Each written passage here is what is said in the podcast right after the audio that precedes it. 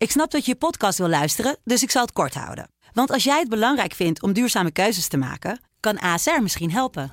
Nou hoor ik je denken, hoe dan? Nou, bijvoorbeeld bij het duurzaam herstellen van schade. Of de premies die we beleggen volgens ons duurzaam beleggingsbeleid. Dat bepaalt waar we wel en juist niet in investeren. Wil je meer weten over welke duurzame keuzes ASR maakt? Ga dan naar asr.nl/slash duurzame keuzes. ASR doet het. Zo, dan kan je nu lekker naar je podcast luisteren. Dit is de Oekraïne-update. De dagelijkse podcast van de Telegraaf over de oorlog in Oekraïne.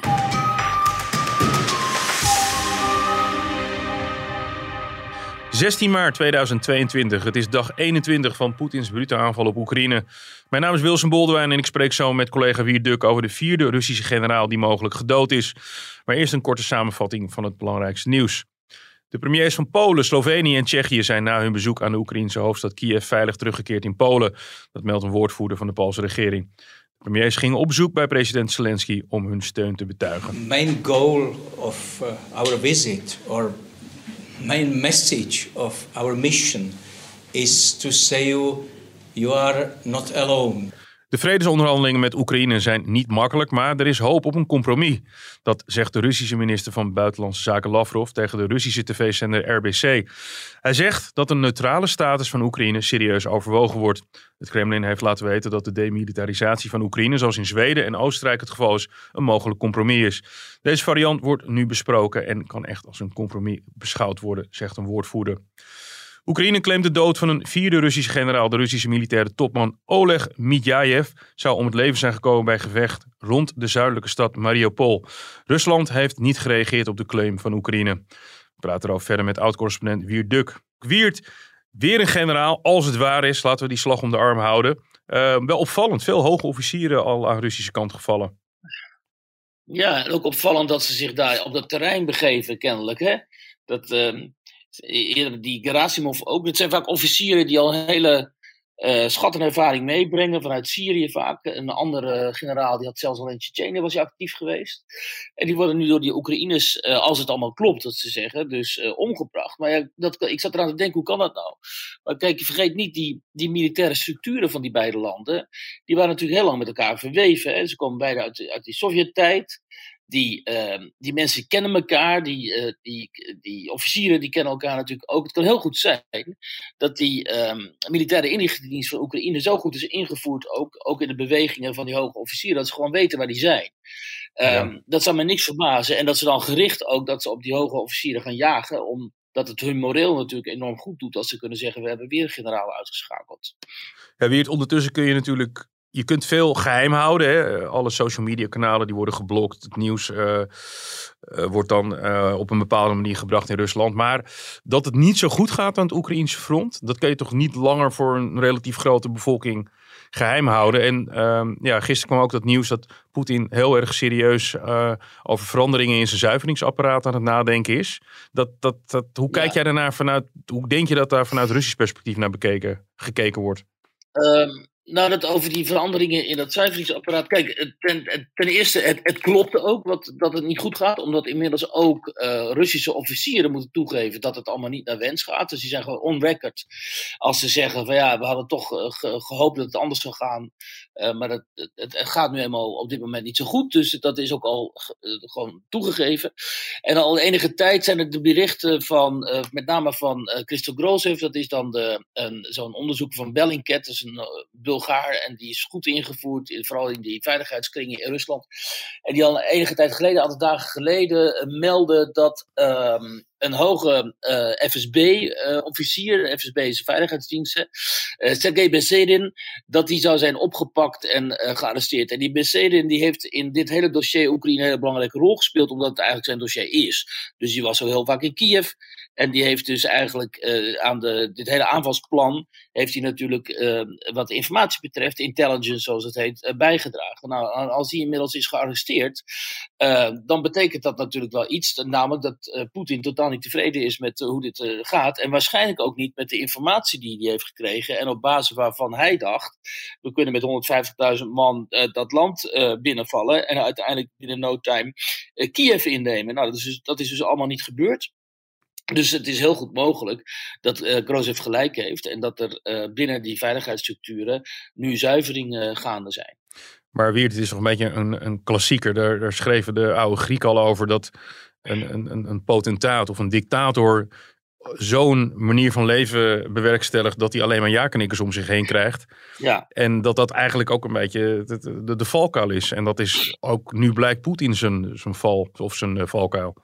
Ja, ik had Poetin, wat dat betreft toch wel wat strategischer ingeschat. En ik had gedacht, maar, maar goed, eh, nou ja, gedacht, maar toch wel enigszins um, uh, vermoed dat hij toch wel ergens zijn eigen tegenspraak zou organiseren. Juist omdat hij zo'n slimme, geslepen ook uh, KGB-spion is. Maar ja, we zagen allemaal al bij die laatste bijeenkomst, die dan ook hier te zien was, van die Nationale Veiligheidsraad van de Russen, hè, waarin hij op uh, vele meters afstand van het gezelschap zat, dat daar heel erg deemoedig uh, zat te luisteren naar wat Poetin te zeggen had, dat hij op een gegeven moment ook liever terugdeinsde om bijvoorbeeld die Narishkin, die is dan de baas van de buitenlandse veiligheidsdienst, om die daar te plekken voor het oog van miljoenen tv-kijkers in Rusland echt te vernederen. Zo zie je zelfs dat die man zo bang werd, dat hij gewoon begon te stotteren en dat Poetin uh, gewoon begon te lachen. Zo van, maar kijk mij eens even hè, jou hier vernederen en kijk eens hoe bang jij van mij wordt. Terwijl die Nariskin is gewoon een oude vriend van hem. Hè. Die kent hij al iets van,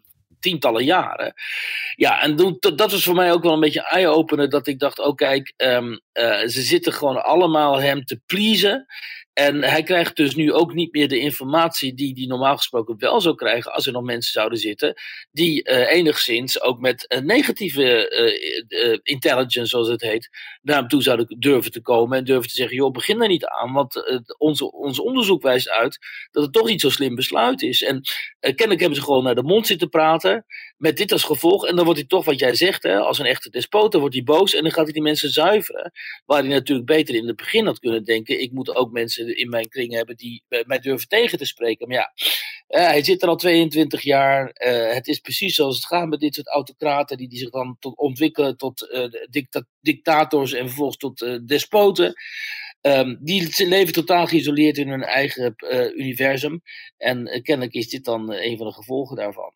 Ja, ik moet dan uh, steeds denken aan die uh, minister van Informatie die we toen uh, ja. tijdens het Irak-conflict hadden. Dat, dat de, die, er was niks aan de hand. De United States werd verpletterend verslagen en die ja. op de achtergrond werd, dan, werd dan de luchthaven ingenomen. Nou ja, het begint een beetje die vorm te, te krijgen, maar aan de andere kant, uh, dat Russische leger moet je ook niet al te zeer onderschatten. En je moet natuurlijk ook niet um, het, het, het, uiteindelijk de mogelijkheden van de Oekraïners onderschatten. Want die staan twee bijna niet met elkaar te vergelijken strijdkrachten uh, tegenover elkaar. Um, hè, dus de, ongetwijfeld zullen de Russen er wel in slagen om dan toch uiteindelijk die steden ofwel uit te hongeren of ze in te nemen. Uh, en, uh, ja, en dan is het de vraag: komt het tot een vergelijk? Dus komt er een soort van compromis en overeenkomst en een akkoord? Of uh, gaan de Oekraïners dan over tot een guerrilla-oorlog, dus een partisanenoorlog?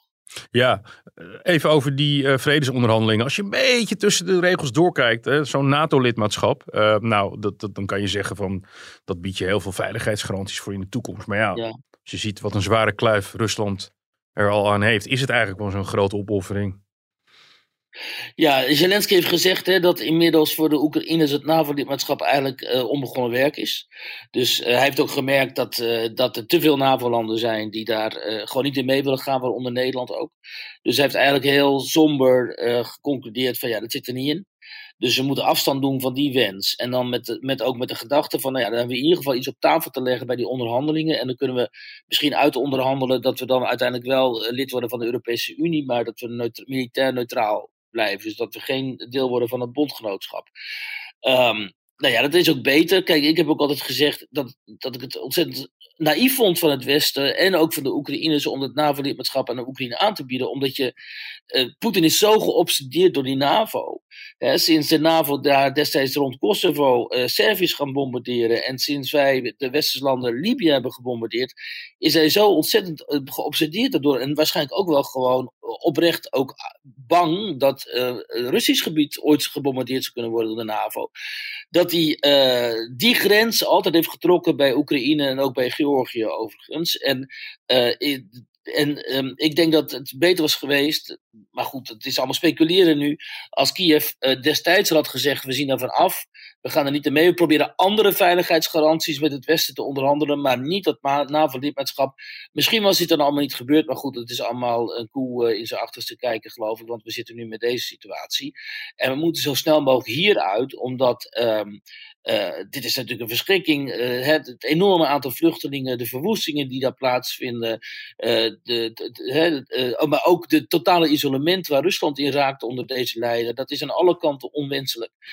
dus er moet gewoon een, situatie worden gecreëerd waarin er vrede wordt bereikt daar en hopelijk ook Poetin zou kunnen worden vervangen door iemand die wat redelijker is dan hij. Maar ja, dat, dat laatste dat zie ik helaas al helemaal niet gebeuren, want er staat helemaal niemand in, die, in die coulissen klaar. Ja, want ik begrijp zelfs dat er uh, de, de, de rente op verschillende eh, betalingen door Rusland uh, vandaag uh, betaald moet worden. Dat willen ze dan in roebels doen, omdat, omdat ze nu niet meer aan dollars kunnen komen. Ja. En dat ze daar al niet meer aan kunnen voldoen. En als je dan, dan, dan duur, komt er nog een soort aanlooptijd, maar dan kun je op een gegeven moment echt als technisch failliet worden verklaard. Ja, Rusland dus het... failliet. Ja, ik uh, hoorde iemand anders uh, vorige week of zo, die zei met deze sancties en dan is er in juli eigenlijk geen economie meer in Rusland, behalve dan die olie- en gasleveranties. Maar voor de rest is er gewoon geen bestaande economie dan meer. En uh, nu gaan ze dus al failliet. En ehm, ja, dat, dat zou dan een collega Martin Visser zo moeten vragen, maar wat dat voor consequenties heeft. dat weet ik niet. Alleen ik weet wel wat voor consequenties deze ehm, sancties voor gewone Russische burgers hebben uh, kunnen hebben. En dat is een verschrikking, want die raken hun spaargeld kwijt voor de zoveelste keer. En want het is al, ook al eerder gebeurd. Uh, hè, de voorgaande generaties hebben dit ook allemaal meegemaakt. En nu weer.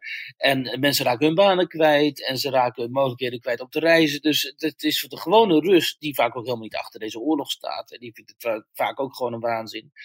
Is dit natuurlijk uh, puur horrorscenario wat aan het uitkomen is. Dat moeten we ook niet vergeten. Het zou fijner zijn geweest als, als die sancties vooral die super rijken die met Poetin heulen hadden getroffen en de gewone burgers een beetje hadden ontzien. Maar dat is ook niet het geval.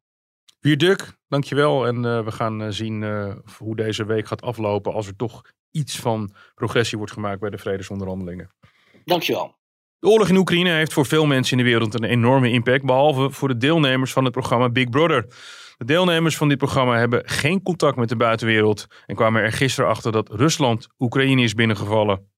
Ja, maar luister, wat Oekraïne is fucking heftig, man. Ja, dat is wel zo. Maar ook dat opvang en uh... geld opgehaald. En wat nee, maar bedenk even, dat, dat is gewoon fucking derde wereldoorlog. Oekraïne, Oekraïne is op, op 1700 kilometer van ons is de dichtste grens bij Oekraïne. Ja, maar bedenk even, als, als, als bijvoorbeeld een Amerika nu iets doet, heb je gewoon een derde wereldoorlog. Tot zover deze Oekraïne-update. Op woensdag 21 maart vanaf 4 uur weer een nieuwe aflevering. Al het laatste nieuws vindt u uiteraard op de site en in de app van de Telegraaf. Bedankt voor het luisteren.